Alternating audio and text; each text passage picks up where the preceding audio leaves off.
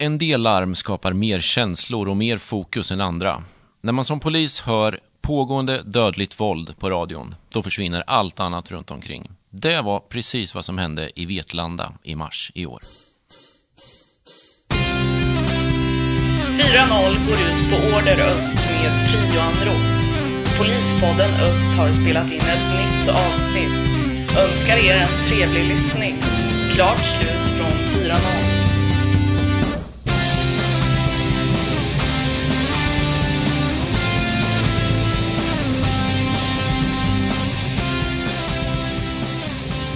Polispodden Öst med Linus, Benjamin och vänner.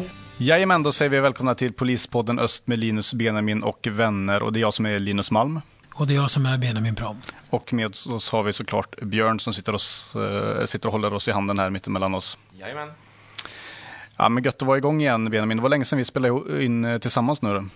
Ja, alltså du var sjuk någon gång, jag var sjuk någon gång. Ja, typ jag, var corona. Ut, jag var utbildning eh, var Okej, jag. ja, det, är jag, det är bara jag som får corona i och för sig.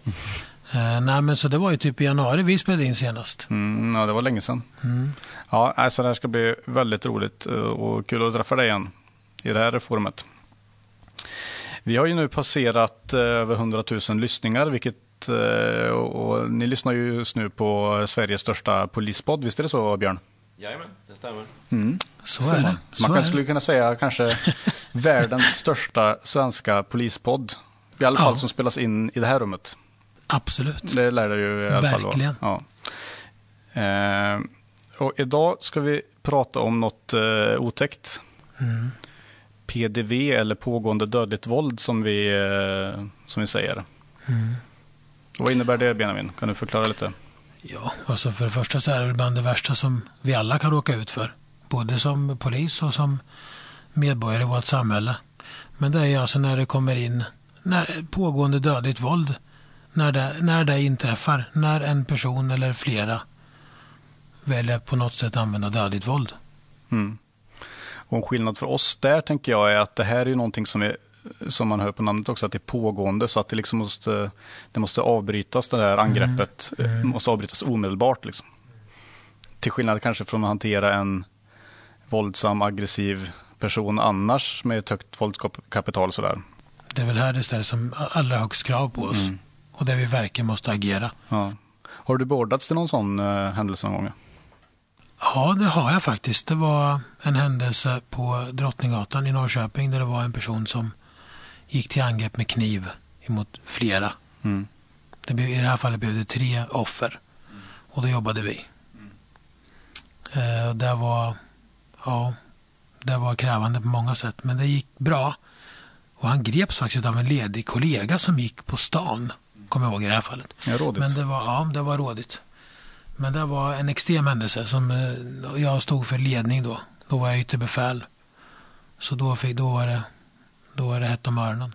Man kommer nog aldrig veta hur man hanterar en sån händelse förrän man har varit i det själv. Även om vi tränar mycket inför det och så. Nej, men det jag märkte det var att eh, alltså, träningen eller utbildningen vi har gått igenom det var den som kickade in. Man, Mm. och nästan, eller, ja inte nästan utan alla som jobbade då reagerade så. Vi blev väldigt fokuserade. Och det gick bra. Och det var ju ett sånt här ärende i Vetlanda i våras. Och vi har två gäster med oss här från eh, Vetlanda och då säger vi välkomna till Jonas Lindell som är LPO-chef, alltså lokalpolisområdeschef eh, för Höglandet. Och vi har Emily Jönsson här som är gruppchef på ingripandeverksamheten. Välkomna! Tack så Tack. mycket. Roligt att vara här. Kul att ni är här. Eh, Jonas, kan du börja berätta lite om dig själv? Eh, Jonas Lindell heter jag och är sedan fyra år tillbaka chef för lokalpolisområde Höglandet då, som består av de sex Höglandskommunerna. En av de sex är Vetlanda. Där vi i våras hade en allvarlig händelse då som klassas som PDV som vi pratade om precis. Emelie då, vem är du? Ja, men Emelie Jönsson heter jag och jag är TF gruppchef för en IGV-grupp på Höglandet. Eh, har varit på Höglandet och i ingripande verksamheten sedan 2011. Härligt. Ja, men stort välkomna hörni. Om vi ska prata om den här eh, händelsen, om vi ska dela upp det lite grann, så om vi, om vi börjar med själva larmet då när det kom in. Eh, hur, hur var det för dig, Emily? Ja, men det började ju som ett eh, helt vanligt kvällspass. Jag kommer till jobbet, byter om, eh, går upp och planerar för eh, kvällens eh, arbete. Vi sitter på utsättning, jag och mina kollegor, under det här eh, kvällspasset. Och eh, egentligen precis när vi ska avsluta utsättningen för att eh, gå och lasta våra bilar och åka ut så kommer det in ett prioanrop i PO Jönköping. Och redan när det går ut som prio så blir alla på tårna. Mm. Eh, och eh, det går ut som en knivskärning vid eh, rescentrum i Vetlanda, Pressbyrån. En man som har blivit knivhuggen. Det är det första vi får. Och eh, mer eller mindre samtidigt så reser vi på, på oss allihopa. Och eh, då är det snabbt ner i bilarna, lasta och åka ut. Hur lång framkörningstid har ni där ungefär? Eh, ja, från utsättningen till att eh, vi är på plats så har vi mellan 15 till 20 minuter. Vad hinner man tänka då på vägen fram? Det är ganska lång bit. Det hinner snurra mycket tankar, jättemycket, samtidigt som att eh, alla går in i ett eh, riktigt professionellt modus och man vet vad man ska göra. Det var precis som du sa i inledningen där att det kickar igång det man har tränat på och man blir väldigt fokuserad på den uppgiften som ska utföras. Mm. Sen hur man förbereder sig, det tänker jag det är lite individuellt kanske just med hur man hanterar den, eh, den, eh, den uppkomna stressen. så. Absolut, det är klart att det är individuellt och eh, eh, jag tror vi alla någonstans har sitt sätt att förbereda sig på eh, inför varje arbetspass. Man vet att detta kan hända. Eh, tyvärr är det så att det är ingen fråga om om, utan när. Och det är därför vi tränar på det också. Och att vi ska både vara mentalt förberedda och även ha lite kunskap om vad faktiskt ska göras. Mm. Men under den här långa framkörningstiden då? Om du utgår lite från dig själv, hur gick tankarna och vad, det kanske hände massor i, alltså, i själva situationen också, som ni fick höra på radion kan jag tänka mig. Hur ja. gick, ta oss igenom den händelsen lite. För min egen del som eh, ledde detta passet lokalt Eh, på Höglandet så blev det väldigt mycket prat på olika talgrupper. Det kom ju information löpande hela tiden väldigt intensivt. Eh, även min telefon började ringa oavbrutet, eh, både från RLC och övriga som ville komma med information snabbt. Och bara förtydligande, RLC det är vår regionsledningscentral och de här talgrupperna det är olika grupper som vi har på våra radio... Det är radion helt Ja, på våra RLC. radioapparater som, för de lyssnare som inte känner till det. Precis. Eh, och eh, mitt i detta, det blir ju som lite kaos när det kommer så mycket information som man inte riktigt kan sortera ut och det är ingen som kan göra det. Och vi har en relativt kort framkörningstid. Men vi alla inser ju väldigt, väldigt snabbt att vi har något pågående. Det är inte bara en, det är två, det är tre, det är flera. Ehm, så ganska snabbt kommer vi nog in i tänket allihopa att detta är något pågående som vi måste avbryta. Jonas, när fick du kännedom om det här ärendet? Då? Du lyssnar inte på radion kanske till vardags annars? Nej, men det gör jag inte. Men jag fick eh, det här eh, till mig eh, genom att vårt stationsbefäl ringde till mig. Eh, och det gjorde det här stationsbefälet eh, ganska direkt när larmet eh, gick ut. Och av en händelse så befann jag mig i Vetlanda. Jag var på genomresa och var ganska centralt i Vetlanda när det här kommer ut. Eh, och ehm, precis som Emelie säger så den första adressen som beordras ut så är det ju ehm, järnvägsstationen och, eh, resecentrum. Där. Eh, så jag tänker att jag, och det, det stationsbefälet säger till mig det är att vi har, ehm, vi har flera knivskurna personer i Vetlanda. Gärningsmannen är gripen, han är skjuten. Det får jag reda på och då förstår jag också att det här är omfattande och vi, har ett stort arbete framför oss. Då, så att jag mm. känner att jag behöver ändå bilda mig en uppfattning om vad det handlar om. Så att jag, jag styr mot järnvägsstationen Eh, och ehm, då får jag en polisbil framför mig som, som är på väg fram dit. Så att jag kommer fram till, till järnvägsstationen i, i Vetlanda ungefär samtidigt som första patrull. Mm. Jag byter några snabba ord där med, med han som har varit yttre befäl för dagpasset som har gått kvar. Då. Och sen känner jag att här behöver jag nog backa undan lite grann för att skapa mig en distans kring vad som har hänt. Men då får jag en uppfattning kring kring eh, omfattningen av det hela. Eh, den är ju långt ifrån eh, fullödig så, såklart. Eh, det här är ju väldigt tidigt. Vi pratar kanske 20 minuter från det att, eh, att eh, det här inträffade. Och, och i det skedet så, så, så, tror jag inte vi alla har greppat omfattningen kring hur många skadade det är och mm. hur är statusen på gärningsmannen och hur, ja, hur är status på personal som agerat och så vidare. Men vad händer sen då? När ni kommer fram till plats så börjar ni jobba. Det är då man konstaterar att x antal är skadade. Kan du förklara lite bara hur, berätta där du kan så att säga. Ja, eh, när vi kommer fram så har vi fått klart för oss att det är flertalet skadade. Vi vet inte exakt hur många där och då. Men att det är fler skadade vet vi och eh, det är mycket resurser på väg. Vi landar ju egentligen, vi är tre bilar som lämnar eh, Eksjö och vi landar väl i Vetlanda i princip eh, hack i häl. Eh, första patrullen eh, som är eh, på plats vid gärningsman eh, ropar ut att eh, man har en eh, gärningsman skjuten och eh, han är säkrad. Eh, vi landar cirka någon minut eh, efter till den här gripande platsen och eh, då har redan kollegor påbörjat eh, att vårda den här personen. Eh, det går väldigt fort allting och eh, ja, där börjar arbetet med gärningsmannen på brottsplatsen. Det ska spärras av, det ska fortsättas vårdas. Det ska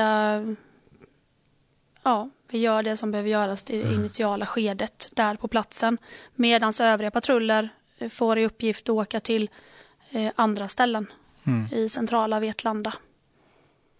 Just det. Man kan tillägga det att, att eh, vi blir ju så att säga, guidade till den här platsen för där gärningsmannen är av en en rådig allmänhet som äh, har eh, vid, vid, en av brottsplatserna iakttagit honom och i bil då eh, på lite avstånd följt efter den här och ringt in till vår ledningscentral och, och guidar ju patrullen äh, rätt då. Så att vi är ju helt i det här och har ett beroende av allmänhetens ögon och den här den här medborgaren gör ju en, en hjälteinsats. Ja, verkligen. Det gör ju verkligen att vi kan Eh, gripa rätt gärningsperson eh, och förhindra det här pågående dödliga våldet. Då. Framförallt att lokalisera den här eh, gärningsmannen tänker jag, det är ju helt avgörande förstås. För den här, annars får man ju följa spåren av skadade personer. Liksom.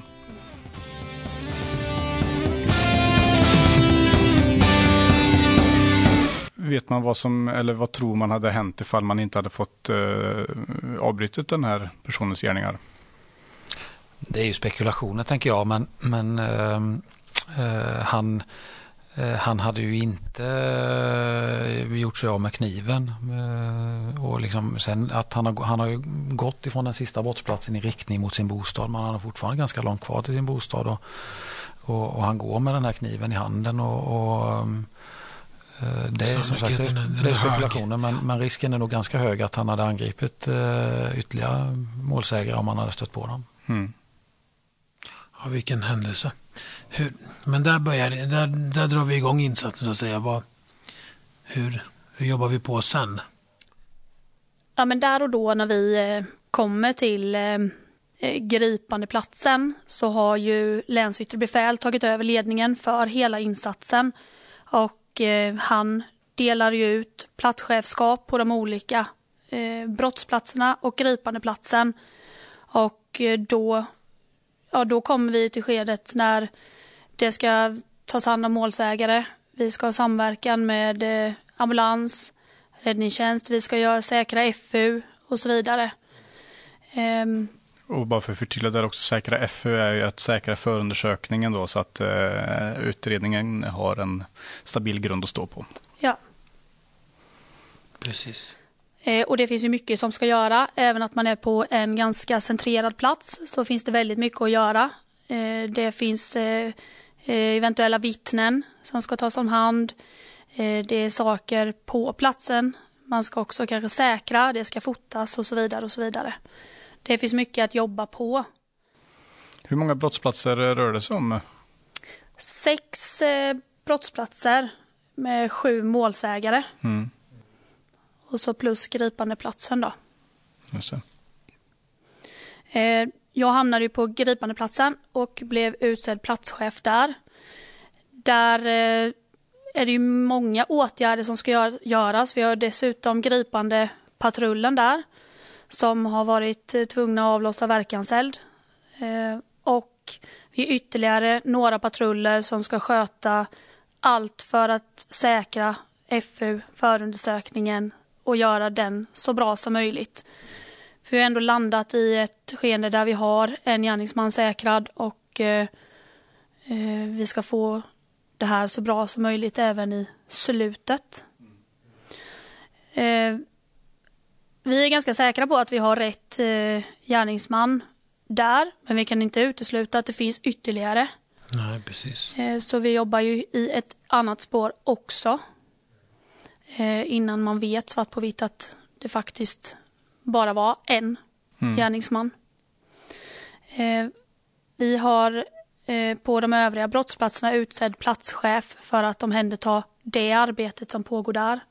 Det är mycket samverkan med ambulans, vi har räddningstjänst till hjälp, det är mycket kontakt med jourhavande förundersökningsledare, RLC, VB, Jonas då i det här fallet också som... Eh, är på plats till och med. Är på plats, ja. Mm. Det är ganska ovanligt för en LPO-chef, det kan vi, det kan vi vittna om. Nej, men det, det du beskriver är en, en väldigt, väldigt omfattande insats som polisen tvingas ha i det här läget och det är då ja, jag tycker det känns ju ändå bra och vi, vi har ju stort förtroende för våra egna insatser. Det blir bra med våra platschefer och hur vi ska fånga alla bevis. tänker jag, en förutsättning när det blir så mycket personal inblandat, olika kontaktytor, att, att man delar upp eh, brottsplatserna och eh, på det sättet som görs här. För annars skulle det inte gå att hantera för oss tror jag. Nej. Och det är det som är intressant för, våra, för, för de som lyssnar att de här insatserna är ju dels är det väldigt, det är väldigt svårt och det är väldigt mycket människor. Det är, I det här fallet skadade människor, det är känslor och det, det är allt på en gång. Och mm. mitt i det så ska vi leda och göra det bra dessutom för att få någon dömd för det här. Så därav att vi verkligen försöker fråga mycket om det. Men jag tänkte på, det här gripandet är ju ett dramatiskt gripande ändå. Kan, vi, kan ni beskriva mm. lite mer om det, hur det gick till? Då? Vi får information fortlöpande på vägen fram. Och precis som Jonas nämnde här innan så har vi ju vittne som följer eh, gärningsmannen. Så vi får ju hela tiden nya positioneringar och som är up to date hela tiden. Och jag är helt övertygad om att det är en del av vår framgångsfaktor att faktiskt kunna avbryta det så fort som vi ändå gjorde. Ja, det är nog eh, nästan avgörande till och med. Ja, i det här absolut. Fallet. För vi åker i princip spot on på det här. Vi behöver inte leta oss fram egentligen på något sätt. Eh, utan vi har hela tiden aktuella positioner var den här gärningsmannen rör sig. Eh, första patrullen eh, eh, på plats i Vetlanda åker ju mot den senast givna positionen och eh, träffar på en eh, mansperson som stämmer överens på signalement och som dessutom gör tecken mot den här patrullen. Mm. så man... Vad för typ av tecken? ja, men han viftar med händerna, alltså påkalla deras uppmärksamhet. Så patrullen åker ju mot den här personen, kliver ut och där har han en kniv i handen. Man beordrar honom och i samband med detta så försöker han skada sig själv. Och då är patrull tvungna att avlossa verkanseld. Vet du, vet du vart han sköts? Eh, han eh, träffas i eh, underkroppen, ben. Mm. Ett starkt agerande från den patrullen. Ja, verkligen. Och ett svårt beslut att ta som polis. Mm. Ja, verkligen. verkligen. Förutom att gärningsmannen blev skadad, hur var skadeläget i stort annars då? Skadeläget för oss var ganska svårt att eh, förstå där och då. Vi förstod eh, så som det pratades på eh, talgrupperna att det är allvarligt. Men vi hade ju egentligen ingen aning om hur allvarligt det var.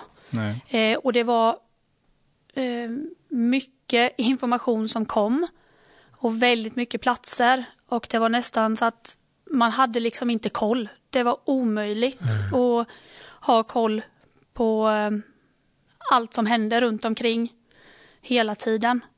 Men att det var allvarligt, det förstod vi allihopa. Och utgången vet vi vet ju lite, men så här i efterhand är det lätt att säga vilket skadeläge det var. Men det handlade om sex, sex eller sju målsägare. Sju.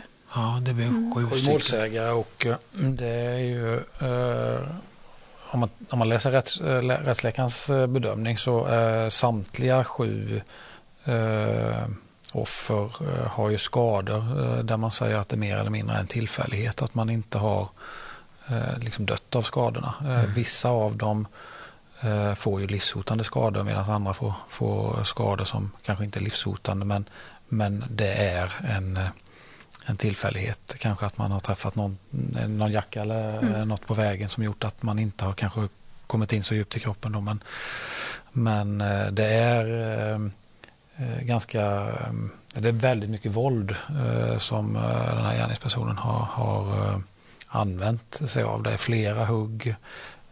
Det är riktat mot, mot kroppen på, på ett sånt sätt så att liksom varje hugg i sig är potentiellt dödande. Det är riktat mot ansikte, hals och bål framför allt. Och, och, och, då blir det, liksom, det blir allvarliga skador. Så. Kan man säga något speciellt om de som utsattes för det här? Ja, det är ju det första som vi, man börjar mm, titta på. Liksom, finns det något samband mellan offer mm. och gärningsmän eh, eller gärningspersoner? Det, det kunde vi ganska tidigt se att det gör det inte. De här eh, offren de är, eh, de är slumpvis utvalda. De var samtliga män. Det, det, är väl den gemensamma nämnaren de emellan. Men tittar man på åldersbandet så, så är det från ja, drygt 30 år upp till plus 70. Eh, så att det, det, de, är, de har kommit i vägen för den här gärningspersonen helt enkelt. Alltså han, de har kom, varit, eh, varit på en plats där han kommer och sen har han valt att angripa dem. Mm. Eh, och han har ju varit, gärningsmannen har ju varit väldigt väldigt rörlig. Alltså, Vetlanda i sig och centrum där är inte jättestort men, men vi pratar ändå flera hundra meter, eh, fyra, tre, fyra hundra mm. meter mellan eh, resecentrum och, och Willys då som är ytterligheterna. Och här, här pratar vi eh, ja, vi pratar 10-12 minuter som, han, mm. som han har förflyttat sig på. Det är lång, det är lång tid.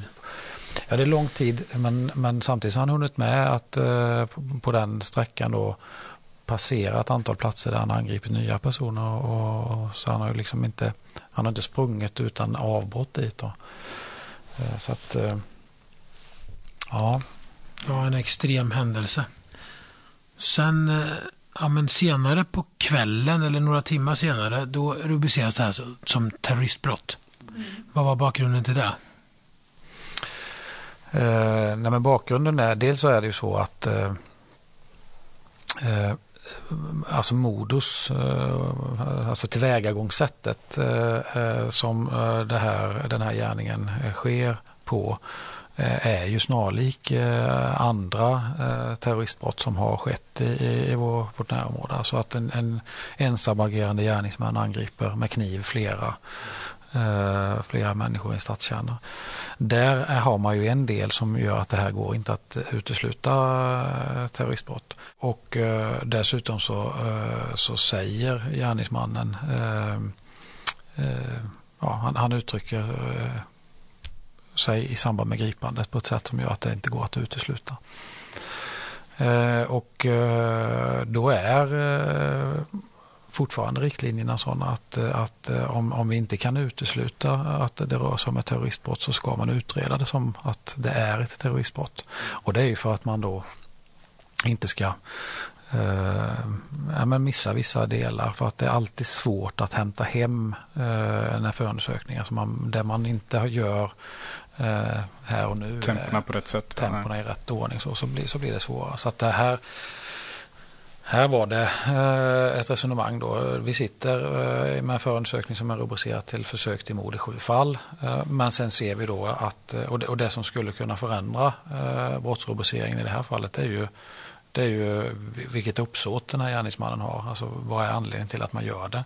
Och, och, och om anledningen då ryms inom terrormotivet så ska det rubriceras som ett terrorbrott och det kunde vi inte utesluta vi har lärt oss ganska mycket kring, eh, kring det nu och det här har ju också varit uppe och, utvärderats nationellt. Eh, då var det inte så tydligt vem som kunde, det var, det var en diskussion både mellan polisen och åklagarmyndigheten, vem rubricerar det här brottet? Mm. Eh, nu är det ganska tydligt att det är Säkerhetspolisen som ska ta beslut om att rubricera ett ärende som, som terrorbrott, men polisen ska fortfarande utreda det utifrån okay. parametrarna att det skulle kunna vara terrorbrott även om det är en annan brottsrubricering. Okay. Ja, för när något sånt där händer så är ju även ifall vi är vana med förundersökningar och sånt så är det ju allt, ofta en ny twist på det så. Och något, att man lär sig nya saker efter att ha varit med om en sån händelse.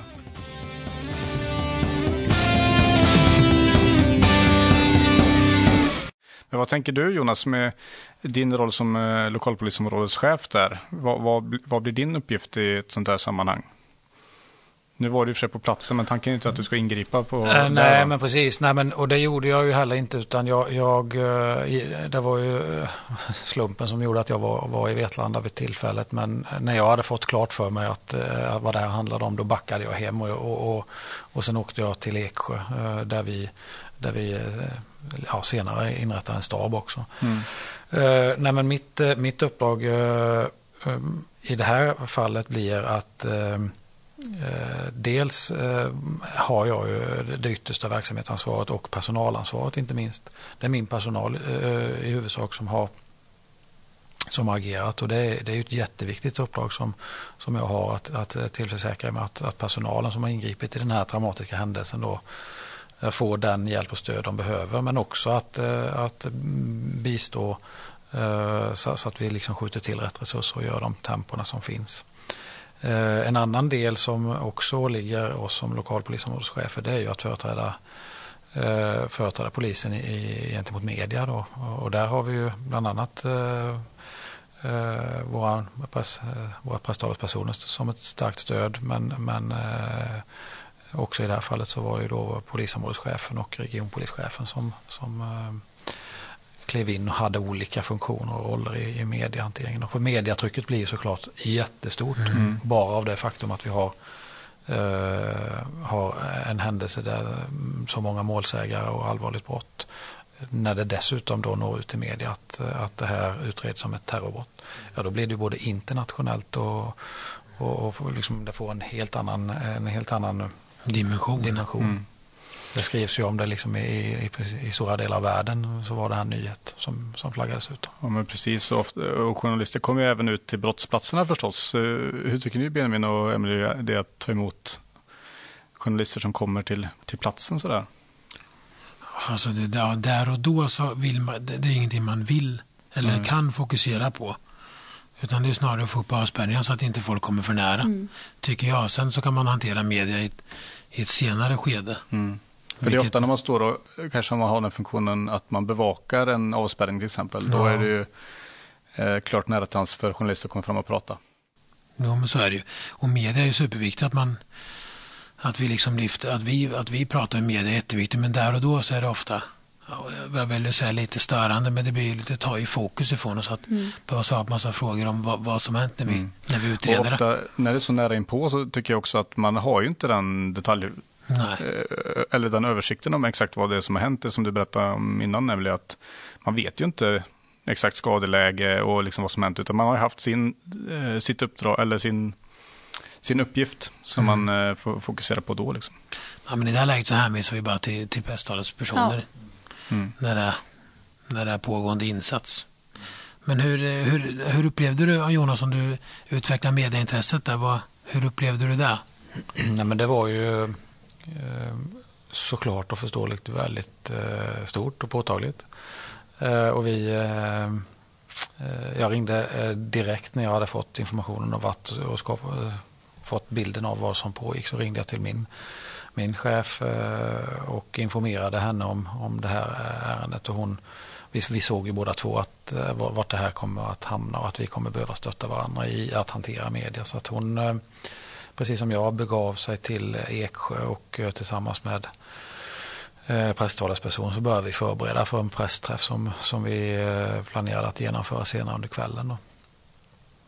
Och där var det ju ett enormt stort mediaintresse. Men vi befinner oss mitt i en pandemi så att vi kan inte mm. bjuda in till en pressträff som man kanske skulle ha gjort in real life så att säga. Utan, utan det här ska bli en digital pressträff. Det här är någonting som vi inte riktigt har vana att hantera och att på väldigt kort eh, varsel då arrangera den här, eh, det var en utmaning. Eh, det ja, tycker det jag. Jag tänka mig.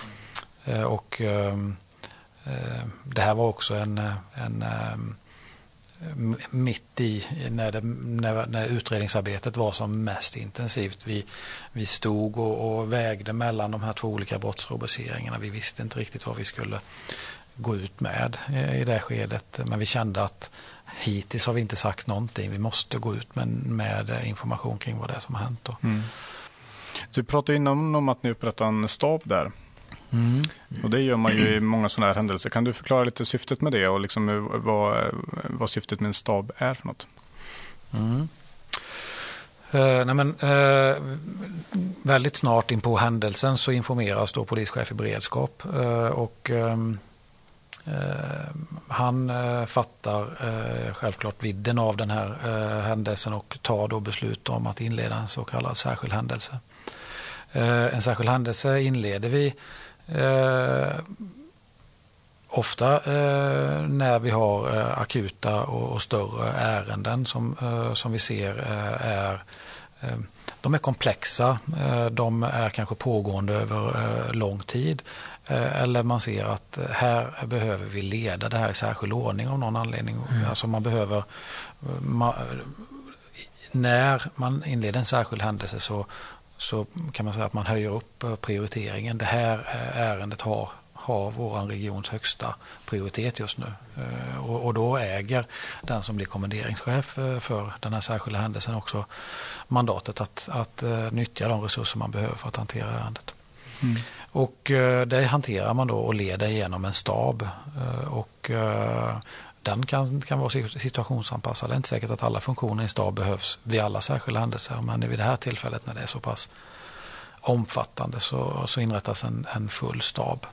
Eh, och eh, eh, där eh, jag blev biträdande kommenderingschef eh, för den här särskilda händelsen vilket jag tycker var ett klokt beslut för att det gjorde att jag som lokalpolisområdeschef och lokalrepresentant ändå hade full insyn i vad som pågick i, i förundersökningen och i, i staben eh, samtidigt då som jag kunde eh, jag, jag hade inte liksom ett, eh, ett, det yttersta ansvaret för det, det låg ju på kommenderingschefen utan då kunde jag ändå fokusera på mitt uppdrag som lokalpolisområdeschef. Eh, väldigt eh, lärorikt eh, tror jag vi alla tyckte att det var och eh, inte minst eh, då vi lärdom av att eh, faktiskt eh, arbeta i stab eh, på distans, vi, mm. alltså ja, digitalt eftersom vi, vi, vi, skulle inte träffas och vi hade digitala uppkopplingar mm. och hade våra stabsmöten digitalt och det funkade alldeles utmärkt. Mm.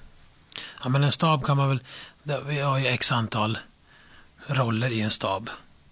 Kan du bara beskriva i, i korthet så hur, hur många ja, men, vi jobbar ju på kort och lång sikt kan man säga, lite bak i ledning. Mm. Hur kan man hyfsat enkelt beskriva ja, staben, består av, eh, staben leds av en stabschef. Eh, händelsen leds av en kommenderingschef. Kommenderingschefen har, har det yttersta ansvaret och eh, stabschefen leder stabens arbete. Sen finns det fun olika funktioner som har eh, eh, sina ansvarsområden. Man har en funktion som hanterar Eh, personal och planering av resurser och om det är tillkommande resurser och så. Eh, vi har en underrättelsefunktion som hanterar underrättelseflödet för just den här händelsen och ser till att delge och kan få uppdrag då från stabschefen att inhämta vissa underrättelser. Sen har vi en operativ ledning eh, som också eh, kan delas upp till att ha ledningen av själva förundersökningen. Eh, så att den, den kan ha flera olika roller. Eh, sen har vi underhåll, alltså logistik. Logistik. Har man en händelse som pågår under, under en eh, längre tid så behöver personalen eh, vila och kanske eh, någonting för att kunna klara av det. Man behöver, eh, och då, då tänker jag till exempel att boka hotell och, mm. och så här om man ska vara kvar på en plats länge. Vi behöver ha mat, man behöver ha fordon. Det kanske är så att man behöver ha särskild uniformspersedel och så vidare. Eh, och så här fortsätter det med olika funktioner. Vi har mm. media, eh, mediahanteringen i en funktion, eh, eller kommunikation. Vi har jurister som kan sitta med och stötta kommenderingschef och stabschef i olika bitar. Då. Och beroende på komplexiteten i det här ärendet då, så bygger man på med funktionerna. Mm. Och det är ju, alltså en stab är ju, vi märker att det är väldigt, det är väldigt effektivt. Och när det händer en, en särskild händelse så här så upplever jag, men jag som polis, man, jag, jag blir stolt över vårt arbete då när man ser hur, hur vi jobbar i bakre ledning och hur vi jobbar ute på fältet. Och, ja, jag tycker att vi är strukturerade och duktiga i det här. Och det är lite där vi vill framhäva. När vi ber Jonas berätta om en, en stab till exempel och Emelie om insats på plats. Och vi kommer faktiskt göra så nu att vi eh, avslutar det här avsnittet och eh, kommer ta eh, fortsätter vi nästa avsnitt sen. Om den här händelsen. Och då kommer vi prata lite om hur, vad, vi, vad som hände efteråt och hur vi tar hand om vår personal och hela ärendet i, i sig liksom. Och mm. rättegång. Och... Absolut. Och vidröra de, de delarna i ett sånt här ärende. För som sagt, det är ett stort ärende. Nu har vi pratat om eh, Själva om, händelsen. Om, om, vad som händer när man får från larmet till att gärningsmannen är gripen och hur man påbörjar en förundersökning och eh, den struktur vi har i i utredningsarbetet. Och man får även en bild av hur omfattande och komplext vårt yrke kan vara mm. som poliser. I både yttre och inre tjänst. Mm. Som är, ja, det, det, är intressant. Det är ju, handlar ju om att, att rädda liv och gripa gärningsman och de här bitarna. Men det, det, det där ska ju synkas också. Mm. Det ska ju funka. Och vi ska skapa ett, ett arbete som håller hela vägen in i rättegång dessutom. Mm, absolut. Så att våra insatser på plats är avgörande för hela rättsprocessen sen. Mm. Ja, intressant. Verkligen. Superintressant. Och Jonas och Emelie, vi tackar så mycket för det här avsnittet. Så eh, ses vi i nästa sen. Och vill man eh, följa oss på sociala medier, Benjamin, så finns vi på Instagram. Ja. Polispodden Ost. Och det går också att höra av sig till, eh, till oss via mail. Då, då är det polispodden.ost polisen.se. Yes. Men vi tackar för att du har lyssnat på just detta avsnittet och jag hoppas att du följer fortsättningen om den här händelsen i nästa. Mm. Vi säger tack så länge då. Tusen tack. Hej då. Ha det bra.